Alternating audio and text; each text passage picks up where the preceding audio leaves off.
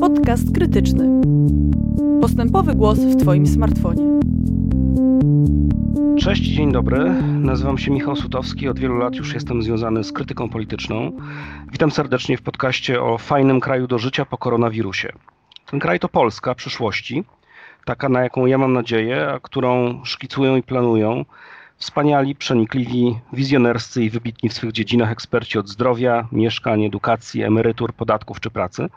I tak się składa, że miałem okazję i szczęście rozmawiać z nimi przez cały poprzedni rok, a ich pomysły, diagnozy i propozycje są tematem mojej książki pod tym właśnie tytułem Fajny kraj do życia, która ukazała się nakładem wydawnictwa krytyki politycznej.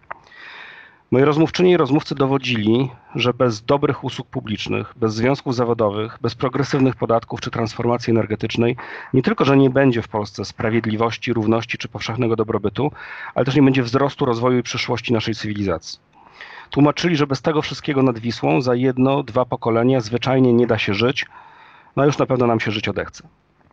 Książka powstała tuż przedtem, zanim polskiej świat dopadła epidemia i do czytelników trafia w momencie, kiedy wszyscy martwimy się, kiedy skończy się kwarantanna, czy za miesiąc będziemy mieli za co żyć, czy nasi bliscy znajdą opiekę lekarską. W takich warunkach tamte wyzwania i problemy niejednemu wydają się dziś luksusowe. Da? Jakiś klimat, jakaś demografia, jakieś emerytury, zupełny abstrakt. I właśnie dlatego w tym podcaście pokażemy, a Państwo usłyszą głosem tych samych bohaterów co w książce, że kryzysy epidemiczny, gospodarczy i społeczny, jakie już przeżywamy lub których zaraz doświadczymy, tylko potwierdzają i wzmacniają ich tezy. To znaczy, bez powszechnie dostępnej publicznej ochrony zdrowia, szkoły na miarę fińskiej czy południowo-koreańskiej, aktywnej polityki mieszkaniowej państwa, bez zwrotu w stronę czystej energii i nowego modelu konsumpcji, nie tylko dobrobytu nie będzie ani rozwoju, ale też wobec kolejnych pandemii będziemy bezradni. Nie wydźwigniemy się z recesji gospodarczej, ani nie przetrwamy jako społeczeństwo. I powróci świat rodem z konceptów XVII-wiecznego filozofa, taki, w którym życie jest samotne, biedne, bez słońca, zwierzęce i krótkie. W pierwszym odcinku naszego podcastu zapraszam na rozmowę na temat zdrowia z Marią Liburą, ekspertką Centrum Analiz Klubu Jagiellońskiego, kierowniczką Zakładu Dydaktyki i Symulacji Medycznej Kolegium Medicum Uniwersytetu Warmińsko-Mazurskiego w Olsztynie, członkiem Rady Ekspertów przy Rzeczniku Praw Pacjenta. I zapytam ją o to, czy nasz system ochrony zdrowia zdaje egzamin, czy na pandemię można się w ogóle przygotować oraz o to, czy widmo kolejnych fal chorób zakaźnych faktycznie zmienia wszystko, gdy chodzi o politykę zdrowotną naszych społeczeństw. Dzień dobry. Dzień dobry. E, zatem zacznę od pierwszego e, pytania. E, czy na pandemię, a więc sytuację, w której nagle dużo więcej osób zaczyna ciężko chorować z powodu choroby zakaźnej, zwłaszcza nowej, nowego typu, jakikolwiek system ochrony zdrowia może się dobrze przygotować i czy my mogliśmy się lepiej przygotować niż, niż to miało miejsce? Tutaj od razu trzeba zrobić takie zastrzeżenie, że na pandemię gotowe musi być nie system ochrony zdrowia, ale w zasadzie gotowe musi być państwo. Bo y, pandemia, w szczególności taka jak ta, z którą teraz mamy do czynienia, czyli taka, która zaczyna się w ognisku gdzieś daleko od nas, na początku wymaga decyzji, które wcale nie są podejmowane w systemie ochrony zdrowia. To są decyzje podejmowane w związku z jakby z bezpieczeństwem narodowym. Czy zamknąć granice, kiedy to zrobić, co robić z samolotami, prawda? Czy przekierować je do jednego portu lotniczego, w jaki sposób postępować y, z ruchem samochodowym, czy mamy zamknąć granice. To nie są pytania, które w pierwszym rzędzie dotyczą systemu ochrony zdrowia. I oczywiście w momencie, kiedy to zagrożenie biologiczne staje się realne, dociera do granic czy je przekracza, to wówczas również system ochrony zdrowia musi być gotowy na to, żeby je podjąć. Ale de facto pandemia jest testem na sprawność państwa, a nie jednego z jego podsystemów.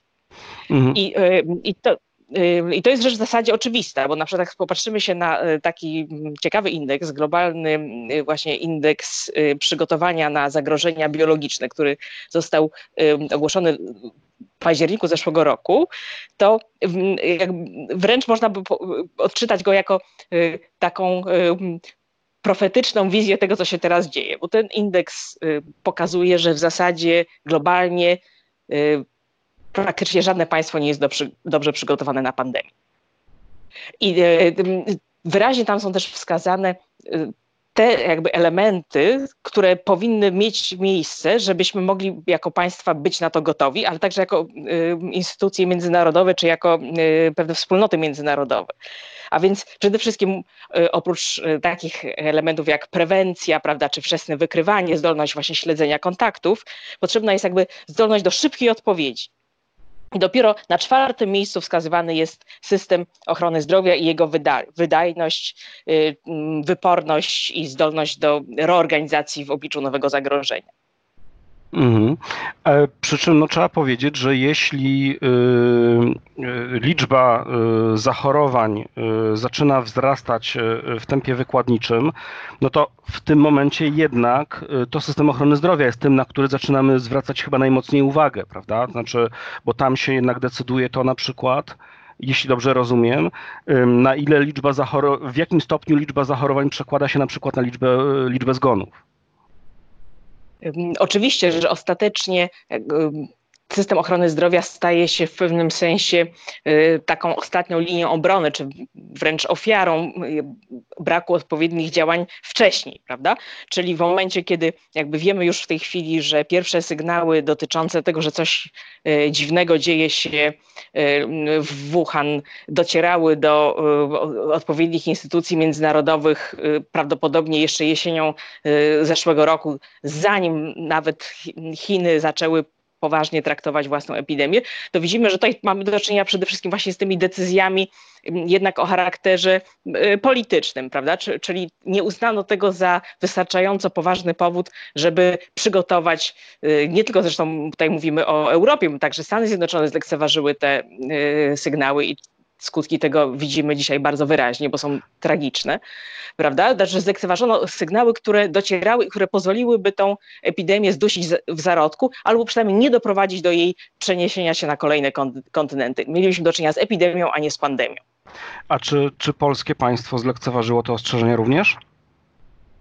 Tutaj jakby nie, nie, mamy, na, na, pewno jest, nie, jakby nie, nie, wyróżniliśmy się na plus, przynajmniej w tej pierwszej fazie, prawda? Byliśmy jednym z państw, które y, dosyć wcześnie wprowadziły zasady dystansowania społecznego, natomiast na pewno pod tym względem nie wyróżniliśmy się jakoś, y, szczególnie szybko przygotowując na przykład rezerwy materiałowe, prawda? Co zresztą stało się potem y, przyczyną problemów wśród pracowników systemu ochrony zdrowia, którzy, którym zabrakło środków ochrony osobistej i zaowocowało to takim efektem, jakim jest na przykład pojawianie się ognisk zakażenia w szpitalach. Na pewno takie, ta sytuacja obnaża pewne problemy naszego systemu ochrony zdrowia, chociaż ja byłabym bardzo ostrożna z uznawaniem, że, ten, że, że to jest jakiś taki krytyczny test naszego systemu jako takiego, dlatego że pandemie nie zdarzają się co roku, jest to sytuacja nadzwyczajna i, i jak widzimy, no, również bardzo bogate kraje sobie z tą sytuacją nie radzą. Czyli to nie jest taki dobry y, przykład na to, mhm. tak, czy, czy, na to, jak, jak czy, czy, ten system ochrony zdrowia dobrze funkcjonuje. No, ale, ale pewne rzeczy widać. Taką rzeczą, którą widać jest to, że jakby brakuje takiej y, y, spójności tego systemu, prawda? Czyli y, ta fragmentacja, na którą narzekają zwykle i pacjenci, i eksperci, i lekarze w związku z takimi jakby zwyczajnymi sytuacjami, jak na przykład leczenie chorób przewlekłych, prawda, czy przekazywanie pacjenta z jednego ośrodka do, do drugiego. Tutaj ta fragmentacja na przykład owocuje tym, że trudno jest szybko wdrożyć jednolite procedury we wszystkich placówkach wieloetatowość, na którą y, bardzo narzekali i zwracali uwagę y, młodzi lekarze, lekarze rezydenci w czasie protestu. Y, w przypadku epidemii okazuje się tragiczna w skutkach, bo doprowadza do przenoszenia patogenu przez często nieświadomych pracowników z jednego miejsca na drugie i szerzenia się choroby. Te rzeczy widać, prawda? Mhm. A to po, powiedzmy może, bo, bo taki naj, najpopularniejszy, chyba najbardziej oczywisty argument, jaki jest podnoszony y, w związku ze stanem ochrony zdrowia i systemem ochrony zdrowia w Polsce, no to jest kwestia niedofinansowania. A to, o czym mówisz, sugeruje, że to są raczej kwestie organizacyjne. Czy to jest tak, że po prostu za mało wydajemy na ochronę zdrowia i to się teraz zaczyna y, no, ujawniać jeszcze bardziej, jeszcze bardziej wyrazisty czy dojmujący sposób, czy to jest problem w ogóle niewłaściwej organizacji pracy w systemie ochrony zdrowia, może jedno i drugie? Powiedziałabym, że zdecydowanie jedno i drugie, bo z jednej strony to, że system jest źle zorganizowany, także wynika z jego niedofinansowania, prawda? Czyli to, że na przykład wieloetatowość jest jakąś, jakimś sposobem czy metodą radzenia sobie y, z problemem płac w tym sektorze. No, który nie przy, czym, przy, czym, przy czym może warto zaznaczyć, że w Polsce są różne grupy personelu medycznego, y, które powiedziałbym na tle społecz reszty społeczeństwa zarabiają y, y, czasem relatywnie mało, a czasem relatywnie dużo, tak? Przy czym, jak rozumiem, ta wieloetatowość i ta sytuacja, która w tym momencie powoduje, że na przykład lekarze czy pielęgniarki po prostu pracują w kilku placówkach naraz, co zwiększa ryzyko epidemiologiczne, rozumiem, że ona dotyczy dotyczy, ta sytuacja dotyczy wszystkich grup, mimo że nie wszystkie są do tego przymuszone ekonomicznie.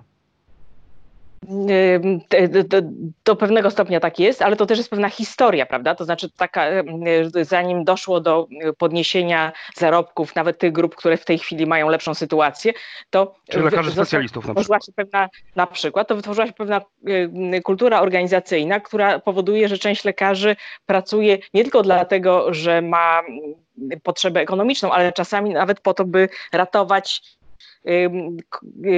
placówki. Tak? To ja znam osobiście lekarzy, którzy jeżdżą na dyżury do e, odległego miejsca zamieszkania szpitala, dlatego że mają bardzo gorące prośby ze strony tamtejszego szefa oddziału, bo inaczej ten oddział zostanie zamknięty. Także te niedobory kadrowe to jest jakby druga przyczyna, taka nieoczywista, myślę, dla opinii publicznej, właśnie tej wieloetatowości. Znaczy wiele miejsc musiałoby się zamknąć, gdyby z dnia na dzień wprowadzono zasadę jeden lekarz, jeden etat.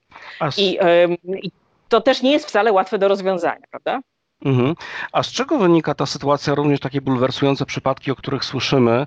To znaczy, że mm, pacjenci są y, z podejrzeniem czy z objawami, które sugerowałyby y, koronawirusa, są odsyłani do, y, do innych placówek, a także można odnieść wrażenie w różnych przypadkach, że nie ma jakichś jednolitych czy jednoznacznych procedur postępowania w takiej sytuacji i to trochę pacjent jest zdany, no i lekarze też są zdani, no jakby na na jakieś praktyki czy doświadczenia e, w danym szpitalu, natomiast można odnieść wrażenie, że nie ma zaprojektowanego jakiegoś takiego jednego modelu postępowania, który byłby e, racjonalnie opracowany no, pod kątem zmniejszania ryzyka epidemicznego. Z czego to wynika? To na pewno częściowo wynika z faktu, że mamy do czynienia z zupełnie nowym zagrożeniem. I e, tak naprawdę nie tylko w Polsce, ale też w innych krajach, jakby te systemy ochrony zdrowia e, i poszczególne placówki uczą się, jak postępować e, z, z, tym nowym patogenem. Tak? To znaczy, na przykład przez długi czas nie było jasne, kto tak naprawdę zaraża. Teraz już wiadomo, że, mo, że, że także pacjenci, którzy nie mają żadnych objawów, mogą stać się jakby źródłem zakażenia dla innych osób. Ale to są rzeczy, których jakby powoli systemy ochrony zdrowia i świat naukowy uczy się, poznając ten zupełnie nowy patogen.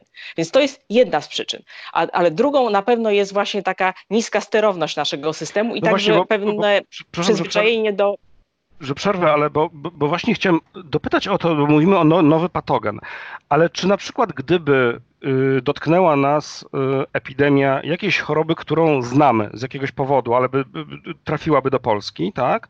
To czy w tej sytuacji byłoby dużo lepiej, gdyby to, nie wiem, była ospa prawdziwa albo cokolwiek innego, czyli coś, z czym teoretycznie wiemy, jak walczyć, jest to znane i, i opracowane medycznie, czy, te, czy, czy, czy, czy pewne problemy organizacyjne nie, no, nie trwałyby dalej? To nie jest jedyny powód, że to jest, że, korona, że, że, że COVID-19 to jest nowe, nowe zjawisko. Y, na pewno nie jest to jedyna przyczyna, tak? Znaczy taki mm, pewien, y, mm, mm, pewna kultura instytucjonalna, prawda, która jakby daje przyzwolenie na na takie lekkie traktowanie procedur jest w niektórych placówkach problemem i to zresztą jakby było bardzo wyraźnie widać, jest, można to było o tym przeczytać w mediach, czytając o kolejnych szpitalach, które w sposób zupełnie jakby niepotrzebny stawały się dużymi ogniskami zakażeń. Tak? Tam dochodziło po prostu do lekceważenia nawet już istniejących procedur, typu wysłania prawda, pielęgniarki z oddziału, na którym wiadomo było, że leżą pacjenci z COVID-19 na inny oddział. I to, to jest ciekawe, że to, jest, to się zdarzyło nie tylko w Polsce, bo na przykład w Wielkiej Brytanii w tej chwili e, opisywany jest skandal związany z jakby bardzo dużym ogniskiem zakażenia, które wynikło z tego, że pielęgniarki nie otrzymały właśnie środków ochrony osobistej i zalecono im pracę w takich prowizorycznej ochronie wykonanej, z, i tutaj nie żartuję, e, z worków na śmieci. Te pielęgniarki nawet umieściły zdjęcia w mediach społecznościowych, jeszcze trochę traktując to jako sytuację zabawną, jak siedzą właśnie w takich wielkich workach na śmieci, po czym okazało się, że większość z nich uległa zakażeniu nową chorobą. Więc to pokazuje, że ten problem jest z jednej strony problem braku procedur, ale z drugiej strony tego, że naprawdę nie traktowano na początku tego właśnie nowego wirusa w sposób wystarczająco poważny. I to znowu nie tylko w Polsce, prawda? Znaczy na początku bardzo długo y, narracja była taka, że to nie jest rzecz, która zagraża krajom wysoko rozwiniętym. Że to, że to jest wirus, który będzie groźny w krajach y, uboższych, w krajach rozwijających się. Natomiast kiedy przyjdzie do Europy, to my sobie, czy do Stanów Zjednoczonych, to my sobie z nim świetnie poradzimy. A mm, zmuszony jestem w sytuacji, kiedy słyszę taki tryb bierny, zapytać, co to znaczy, że coś było nieprzygotowane albo że o coś nie zadbano. Znaczy, czy można stwierdzić, która właściwie instytucja, czy który poziom jest odpowiedzialny za tego typu zaniechania czy zaniedbania? No już abstrahując od tego, że w innych krajach świata wygląda to podobnie, ale u nas kto właściwie za to odpowiada, że na wypadek pandemii jesteśmy, czy pod pewnymi względami przynajmniej, yy, yy, ochrona zdrowia jest yy, nieprzygotowana. No i też dodałbym, że oczywiście konkretny, konkretny typ wirusa jest, jest nowy, ale sam fakt zagrożenia, czy sama perspektywa zagrożenia pandemicznego, no nie jest czymś zupełnie nieoczekiwanym, prawda? W każdym poważniejszym raporcie dotyczącym tego, jakie są zagrożenia tam dla świata i Europy i Zachodu na najbliższych lat 5, 10 czy 15, to pandemia jest zawsze takim punktem obowiązkowym, prawda? W związku z czym na którym poziomie powinny tego rodzaju przygotowania dotyczące chociażby zaopatrzenia w sprzęt i opracowanie pewnych podstawowych procedur, na którym poziomie to powinno przebiegać? To ja tutaj odpowiem pewną anegdotą, prawda? Bo rzeczywiście o tym, że nadchodzi prawdopodobnie jakaś globalna e, pandemia, to mówi się od wielu, wielu lat, prawda? Znaczy jest, są, nawet ona ma taką swoją, swoją nazwę, to była choroba X wedle Światowej Organizacji Zdrowia. I co więcej, jak, jak się czyta opracowania, to widać, że wielu z nich wręcz nawet przewidziano, że to może być właśnie jakiś nowy e, koronawirus. Więc jak patrzymy się wstecz, to wydaje się, no jak to jest możliwe, że e, mamy tyle raportów, tyle jakby globalnych opracowań, mamy ekspertów od e, globalnego bezpieczeństwa zdrowotnego, a pomimo tego mamy takie nieprzygotowanie. I tutaj ta anegdota, a mianowicie jeden z takich raportów e, spowodował, że ówczesny burmistrz Nowego Jorku, Michael Bloomberg, postanowił rzeczywiście zadziałać i stworzyć plan, który zapobierze katastrofie systemu ochrony zdrowia w Nowym Jorku na wypadek pandemii. I w 2006 roku, właśnie pod wpływem raportów i doniesień o takim zagrożeniu, rozpoczął akcję, która nie do końca się ostatecznie powiodła, ale miasto zakupiło y, pewną liczbę y, respiratorów.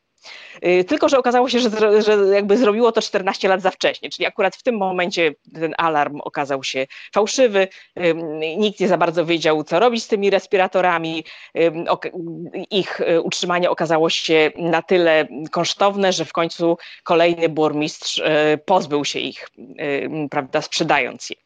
I e, w tym momencie, prawda, kiedy. I zapewne, uzna, zapewne uznano to za wyraz e, zapobiegliwości i gospodarności, no bo pozbyto się zbędny, zbędnego sprzętu e, z korzyścią dla budżetu miasta, jak rozumiem. i to jest ten dylemat związany z jakby zabezpieczaniem się na wypadek wydarzenia, które jest wydarzeniem o bardzo wysokim ryzyku, prawdopodobnym, ale o, o którym nie wiemy, w którym momencie się wydarzy, prawda? I ono może się wydarzyć w tym roku, ale może równie dobrze wydarzyć się, tak jak w przypadku Nowego Jorku, za lat 14. I e, tak naprawdę sposób, w jaki się na to trzeba przygotować, znaczy myślę, że po tej pandemii będzie, nie będzie polegał na, e, na tym, żeby utrzymać w bardzo wysokiej gotowości właśnie całe struktury zakaźnictwa, czy, przeka- czy przekwalifikować cały system ochrony zdrowia na choroby zakaźne, bo miejmy nadzieję, że jakby tutaj historia ludzkości potoczy się podobnie jak poprzednio, czyli kolejna y, pandemia nie zdarzy się bardzo, bardzo szybko. Natomiast trzeba na pewno będzie bardzo mocno przemyśleć y, innowacyjne sposoby przygotowania, czyli zmienić sposób myślenia. To jest olbrzymie miejsce na innowacje i na tak, na przygotowanie się w taki sposób, który pomoże w zwinny, w zwinnym trybie jakby przestawić się na tą nagłą y, potrzebę zdrowotną, prawda? Ale, ale co by to mogło... Bo pamiętajmy, że... Mhm. Bo chciałbym zapytać, co to by mogło konkretnie oznaczać w warunkach, kiedy w najbliższych latach, wiele na to wskazuje, będziemy mieli do czynienia z kryzysem gospodarczym, a zatem z zmniejszeniem wpływów do budżetu, w tym do budżetu NFZ, prawda? Te wszystkie typy chorób, tak, z którymi musi się system ochrony zdrowia mierzyć, czyli choroby cywilizacyjne, no one nie znikną, a wręcz przeciwnie. Tak? I w związku z tym, jak jest możliwe y, y, pogodzenie jednego z drugim, to znaczy y, poprawianie jakości systemu ochrony zdrowia nastawionego na to, co dotychczas, czyli, czyli właśnie przede wszystkim choroby cywilizacyjne, i z drugiej strony to, jak mówisz, innowacyjne reagowanie. Co to, co to konkretnie może oznaczać? Na, na pewno to będzie wymagało z jednej strony y, mocnego wzmocnienia jakby służb sanitarnych, prawda, które jak teraz widać, odgrywają kluczową rolę y, w ogóle dla bezpieczeństwa państwa, a z drugiej strony być, być może właśnie wymyślenia zupełnie nowych y, metod, czy zaangażowania nowych technologii. To częściowo dzieje się teraz, y, prawda? Widzimy taki etap przejściowy. Z jednej strony mamy przejście na przykład nagłe przejście medycyny rodzinnej w dużej mierze na telemedycynę i myślę, że to jest coś, co y, prawdopodobnie w jakiejś formie zostanie z nami na dłużej i będzie jakąś taką y, innowacją w systemie, która okaże się trwała.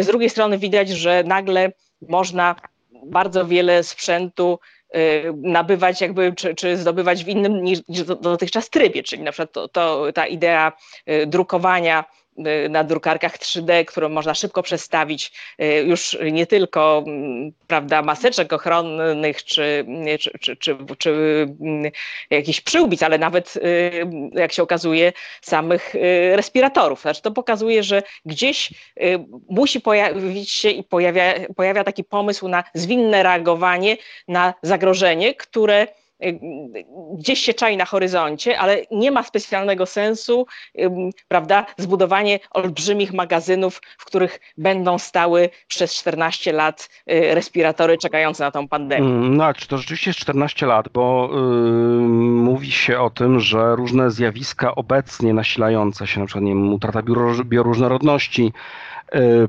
powodują, że pandemie mogą być czymś, co jednak będzie zdarzało się częściej niż dotychczas, prawda? No bo zresztą one zdarzają się już y, od jakiegoś czasu z pewną regularnością, tylko one nie dosięgały krajów y, zachodniej y, Europy czy, czy Stanów Zjednoczonych, ale czy epidemia czy ptasiej grypy, czy świńskiej grypy, czy eboli, czy wirusa Zika, to wszystko jakby to się dzieje z, powiedziałbym, no, pewną istotną regularnością, prawda? Tylko zazwyczaj zasięg tych epidemii epidemii dotychczas był, był y, y, ograniczony, no ale niemniej wydaje się, chyba że, chyba że się mylę, ale proszę mnie poprawić, że to, że to jest zjawisko raczej nasilające się i takie, które sugeruje, że jeśli no, zakupi się umownie jakiś sprzęt, to on niestety nie będzie leżał w magazynach 14 lat, tylko znacznie krócej.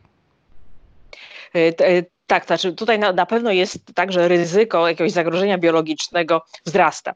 I jakby znowu wracając do tego globalnego indeksu, który właśnie tego dotyczy, tam zwraca się uwagę na to, że oprócz patogenów naturalnych, takich właśnie jak na przykład ten nowy wirus, czy różne stare bakterie i wirusy, na przykład bakterie odporne na antybiotyki, które też stają się coraz poważniejszym zagrożeniem, to we współczesnym świecie groźne są również na, na przykład sytuacje, w których mogłoby dojść do um, jakiegoś wypadku w laboratorium, prawda? Czyli to, mamy rozwój technologii czy biotechnologii. Z jednej strony pozwala na coraz jakby lepsze leczenie różnych chorób, ale z drugiej strony stwarza takie nie, zupełnie nowe zagrożenia i również w tym e, opracowaniu międzynarodowym wskazano na to, że to może być bardzo słaby punkt w przyszłości.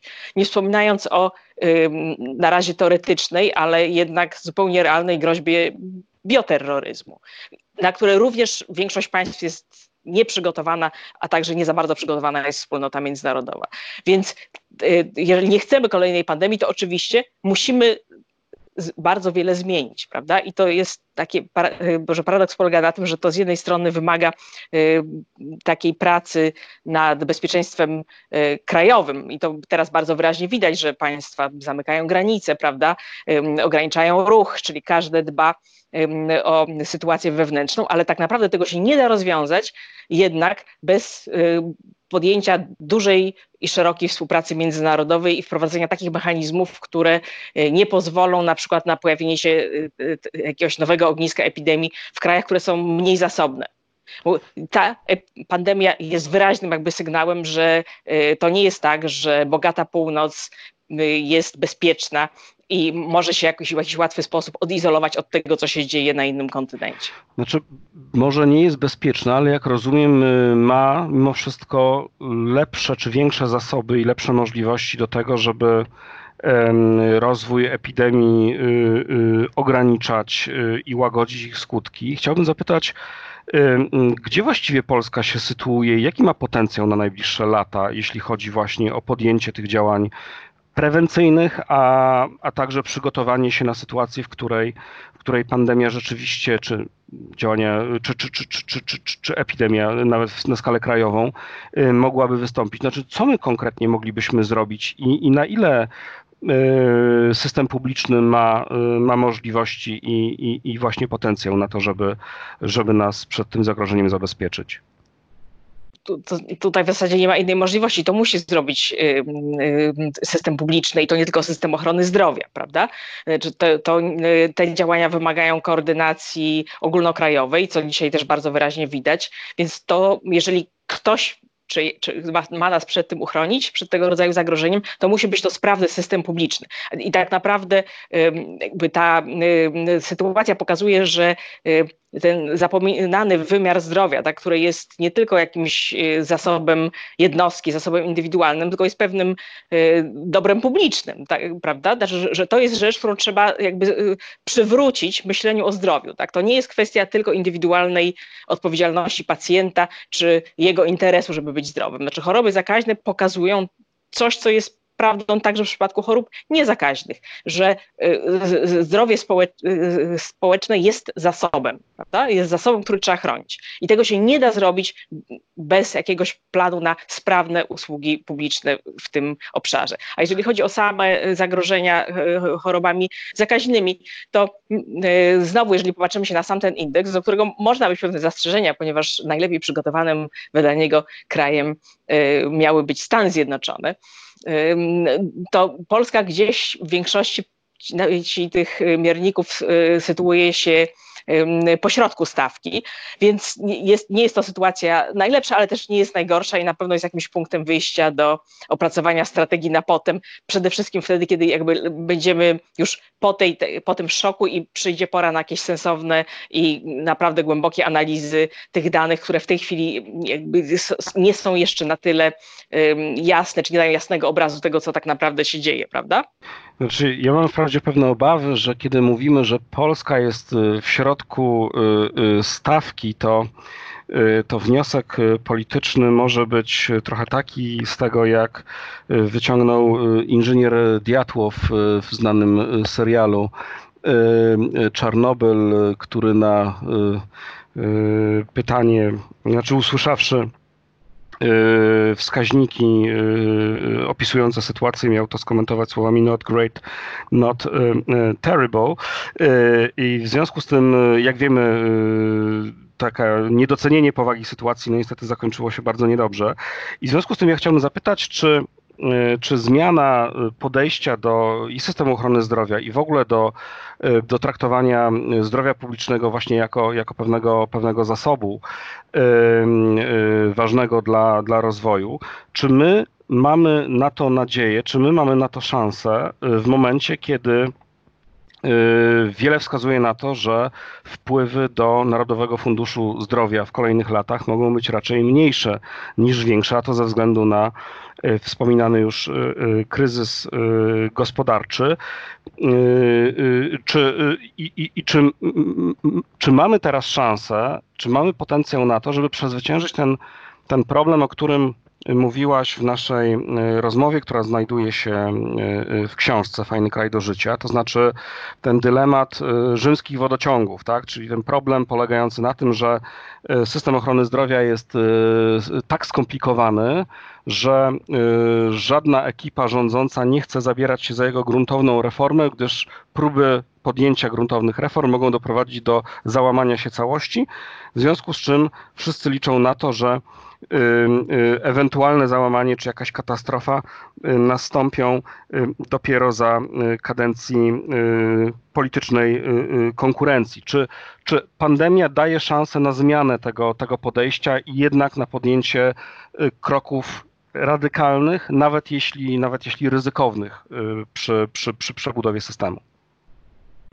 Jest takie powiedzenie, że kryzys jest jakby zbyt cenną szansą, by ją zmarnować i w przypadku naszego systemu ochrony zdrowia to ono wydaje mi się idealnie opisywać y, obecną perspektywę. To znaczy to jest y, sytuacja bardzo dużego zagrożenia, także dla finansów Narodowego Funduszu Zdrowia, ale z drugiej strony to jest olbrzymia szansa na radykalne zmiany. I proszę zobaczyć, że na przykład pewne pomysły, takie, które do niedawna spotykały się jednak z dużym oporem środowiska, takie jak wprowadzanie e-recept, czy, y, prawda, czy telekonsultacje, nagle y, y, okazują się strzałami w dziesiątkę. To znaczy, gdyby tego nie zrobiono, to w tej chwili bylibyśmy w jeszcze trudniejszej sytuacji. A więc ten kryzys jest szansą na to, żeby pewne y, rzeczy wręcz przeskoczyć, czy pewne etapy reformy przeskoczyć. Natomiast to, czy ta, tak się stanie, to już y, niestety jest y, pytanie o pewną też stabilność polityczną, prawda? W momencie, kiedy będziemy z tego kryzysu obecnego, pandemicznego wychodzić, a prawdopodobnie znajdziemy się w samym środku kryzysu gospodarczego. Na ile będzie tutaj wola polityczna i pewna zgoda co do wizji.